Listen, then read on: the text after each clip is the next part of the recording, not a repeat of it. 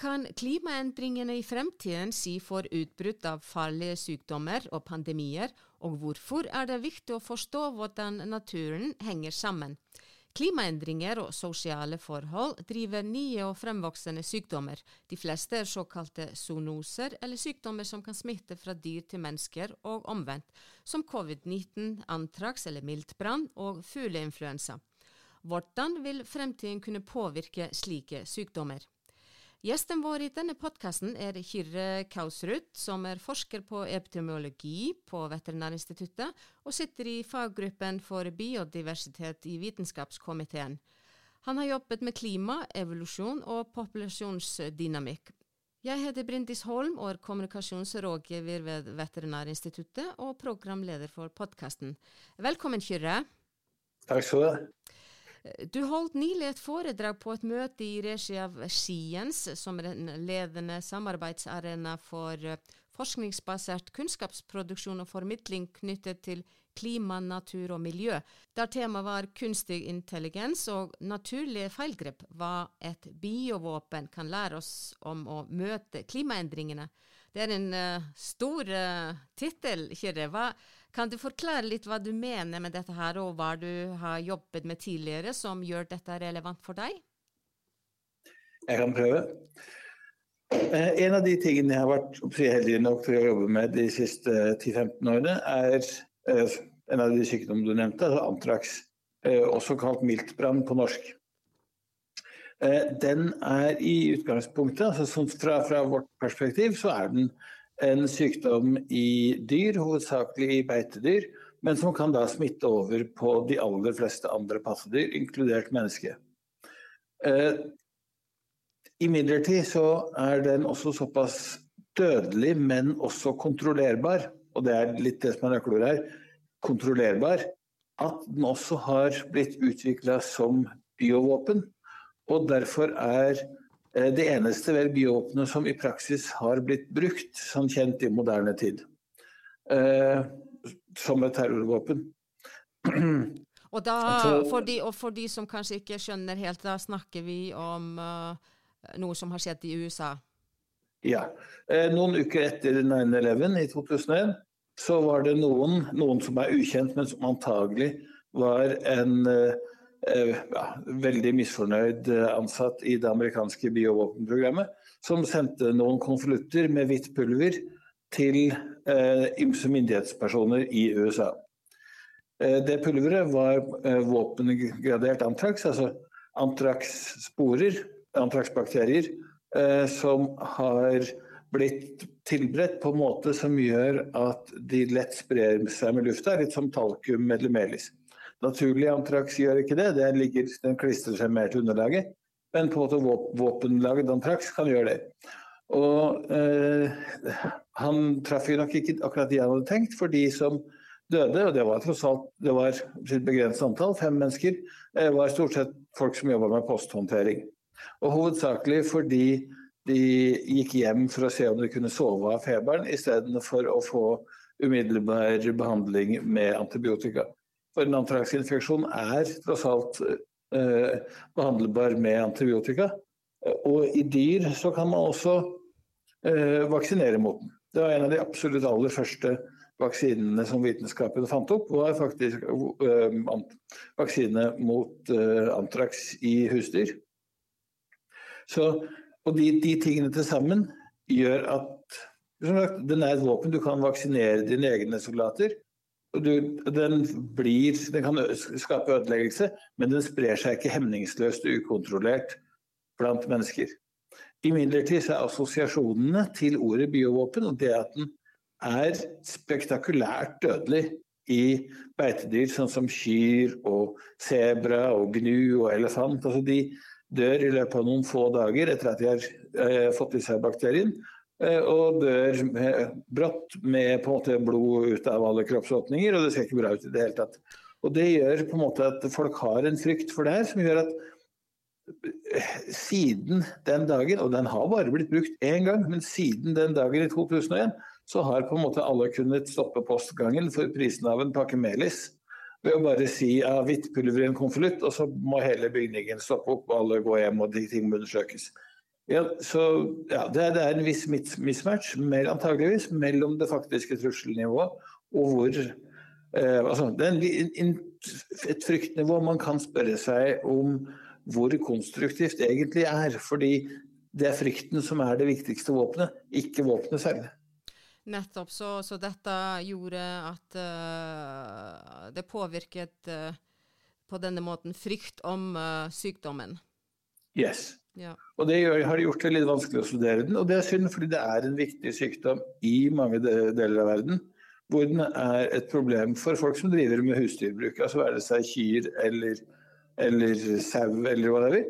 Samtidig som den i noen områder også er en trussel for, for truede arter, som f.eks. elefanter. Ja. Og Det er derfor vi har studert den. Og det er derfor vi må reise et stykke unna for å kunne studere den i sitt naturlige miljø. Eh, vi jobber for det meste i Sør-Afrika, i, i Nord-Namibia. Og det er også derfor den, det er derfor vi kan jobbe med den. Eller det er derfor vi jobber med den der ute, og derfor vi har studert den såpass lenge. Men grunnen til at den kan si oss noe om klimaendringene, er jo at nettopp det at den er vanskelig å studere i sitt naturlige miljø, eh, men man er veldig interessert i den, og den er en trussel både gjennom den frykten den sprer, og en reell trussel for husdyrbruk, så trenger man også forstå hva slags trussel den utgjør i fremtiden. Eh, og fremtiden er ikke et, et fjernt, ikke et fjernt uh, sted. Klimaendringene har allerede nådd oss. Uh, et av de viktigste effektene vi har sett av klima på antraks, er jo nettopp når de, altså, antraks sprer seg gjennom Eh, for det meste gjennom jordsmonn, altså at dyr dør, blør ut i bakken. Og så får eh, da nye dyr i seg smitten gjennom da gress og andre vekster som vokser på det stedet for det forrige dyret døde, det, eller gjennom jorda. Det du beskriver her, det er den egentlige faren ved antrax? Ja. Så den er spesialisert på å bli da liggende i jordsmonnet veldig lenge som hardføre sporer. altså Bakteriene vokser inni i verten, og så går de over og blir hardføre sporer i bakken. Og der kan de ligge veldig lenge. Og siden de kan det, så tinte da perma, altså det at permafrosten i Sibir pga. klimaendringene driver og tiner opp, var med på å da starte et uventa antraksutbrudd i Sibir allerede i 2016. Ja. Hvor da reinsdyr eh, fikk i seg Eh, som hadde tint opp av permafrosten under en hetebølge. Ja. Men Du var litt inne på det tidligere, men, men, kan du forklare litt mer hvorfor trenger vi å forstå denne sykdommen? Um, både fordi den er et, et, eh, en et trussel mot et problem for folkehelse og uh, husdyrbruk i store deler av verden som den er. Eh, mange, de stedene hvor den er et problem, er jo gjerne da, steder som har litt andre problemer med kontroll av uh, dyresykdommer og mattrygghet til å begynne med. Og de utbruddene vi ser, er da vanligvis når mennesker uh, får i seg kjøtt fra et dyr som har, enten har dødd eller har blitt nød, nødslakta mens det har vært sykt, og så spiser kjøttet og blir, blir syke. Og det, det, siden det jo gjerne skjer på litt avsidesliggende steder hvor ikke antibiotikabehandling er umiddelbart tilgjengelig, så eh, går det ofte ikke bra. Eh, og vi har tidvis da på en måte clustere av outbreaks, der hvor gjerne da ett eller noen få dyr har blitt uh, fortært mens de har vært syke, og da har smitta mennesker. Og du, du, nevner at det er uh, særlig steder som ikke har uh, kapasitet eller kunnskap uh, eller ressurser til å håndtere slike sykdommer. Men hvilke deler av verden kan bli mest utsatt for dette i fremtiden? Og, og kan dette f.eks. bli et problem for oss her i nord? Det kan godt hende at det er noe, en og annen lomme med viltbrann som tiner frem her i Skandinavia også. Altså, vi hadde et litt merkelig utbrudd i, i, Sverige for et par år siden. Det er nok lite som ligger i bakken her i Norge og, og Skandinavia. Imidlertid så er det nok det sibirske området. Der kan man jo fort ha litt større problemer ettersom altså, det her, Dette var et av hovedpoengene nettopp i den uh, uh, det foredraget du, du innledningsvis nevnte. At hvis vi bruker moderne metoder, altså AI, eh, korrelerende, metoder, altså metoder som ser på, på bare de kjente utbruddene med antrax, og så prøver vi å spå hva vil fremtiden bringe ved å bare um, matche dem med uh, klimasoner. Så får vi et kart som ser veldig ryddig og ordentlig ut, men som har veldig lite og, til felles med virkeligheten. Fordi bl.a. så vil et sånt klimaforventningskart si at hele Sibir antageligvis ikke har noe å bekymre seg for i det hele tatt, men er trygt og fritt for antraks. Det samme med Sør-Namibia. Imidlertid så er grunnen til det, det er at altså, antraks på russisk heter oversatt den sibirske pesten, sibirskaja tsjuma. Eh, beklager uttalen. Eh, og for det er fordi den pleide å være så utbredt i Sibir at den har vært hardt kontrollert helt siden pre-Sovjet, helt siden tsar-tida, så har Antrax på forskjellige måter vært kontrollert. Og man har hatt store eh, vaksinasjonsprogrammer i, i reinsdyr og andre husdyr i hele Sibir etter andre verdenskrig. Og Det gjør at det var ingen som nå tenkte lenger på antrax i området, og det var lite til stede i de dataene som da de AI-baserte modeller har, har, blitt trent på. Og da ser det ut som det er ikke noen fare. Antrax fins ikke så langt mot nord. Mens i virkeligheten så er problemet at den har vært så vanlig der at den har vært tungt kontrollert. I Sør-Namibia så er det det motsatte problemet. Eh, den blir bare ikke rapportert fordi rapporteringssystemet ikke fungerer. Men hvis man snakker med bøndene som bor i området, så vet man at de mister dyr til antrax hele tiden.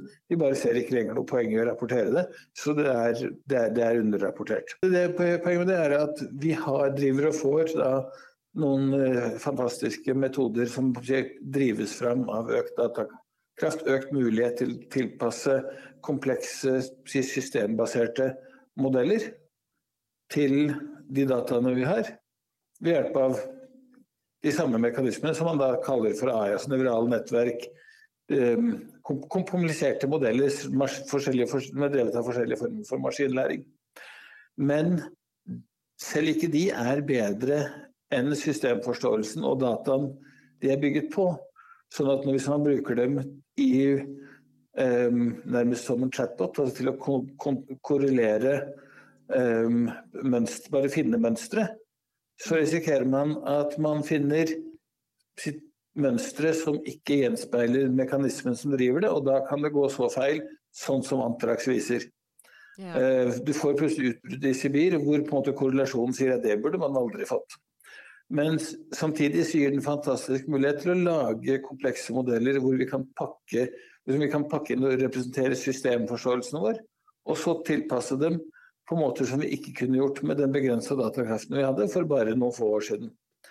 Men det krever at vi da putter inn mekanismer og data, og ikke minst da, de mekanismene vi forstår, inn i modellene. Og det er fordi nettopp fordi klimaendringene jo nå allerede har kommet så langt, og ikke viser noe tegn til å stoppe, at vi er utenfor det referanseområdet vi har data for. Altså, vi er allerede i en klimatilstand som vi ikke har sett mm. maken til i hele den tidsperioden vi har historiske data for. Så det betyr at vi kan ikke stole på modeller som er basert på rene korrelasjoner.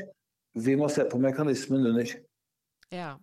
Så, så, disse moderne metodene de er helt uh, nødvendige og uh, kan være avgjørende i, i f.eks.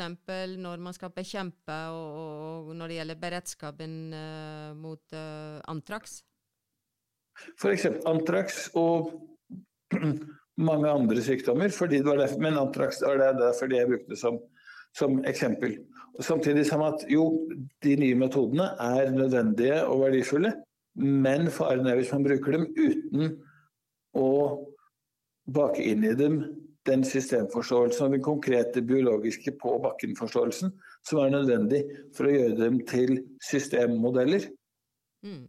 Modeller som på en måte faktisk har med seg mekanismen, og ikke på en måte lar dem forbli rene maskinlæringsmodeller, som er veldig fristende, fordi maskinlæring og på en måte big data gjør det veldig bra. Men hvis man ikke tar med seg den kunnskapen vi har, og gjør det mekanistiske, så kan det gå forferdelig feil. Og det er det som dette biovåpenet da kan, kan lære oss. Men Kjære, sånn avslutningsvis, uh, Hvorfor uh, driver klimaendringene nye alvorlige sykdommer? Jeg vil si at Det er mange grunner til det.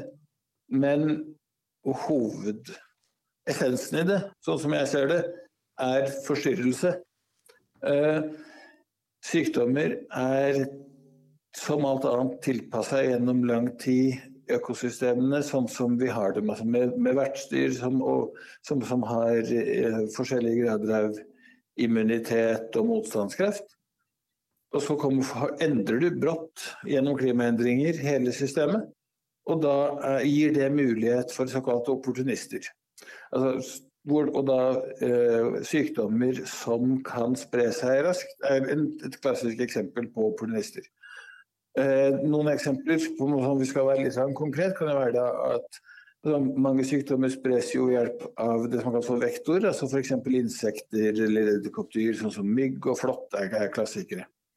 Og når de da sprer seg inn i nye områder fordi det blir varmt nok og vått nok til at de kan være steder hvor de ikke har vært før, så tar de også med seg da sykdommene de sprer, og disse sykdommene finner da nye, nye verter som ikke eh, har noe særlig motstandskraft mot da, disse sykdommene, og som i hvert fall ikke er vant til at den er der.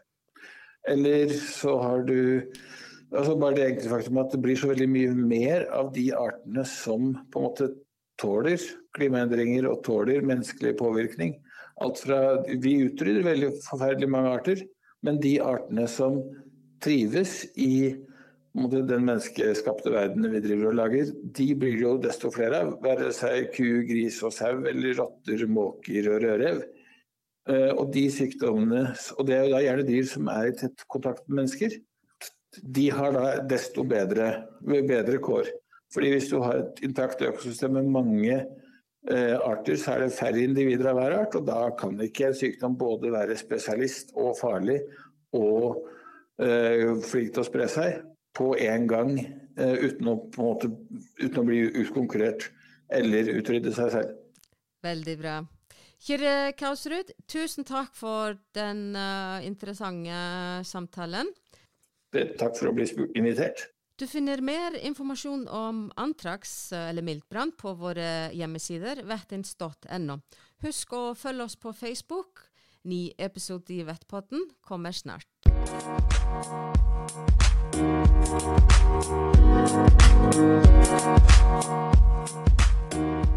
you.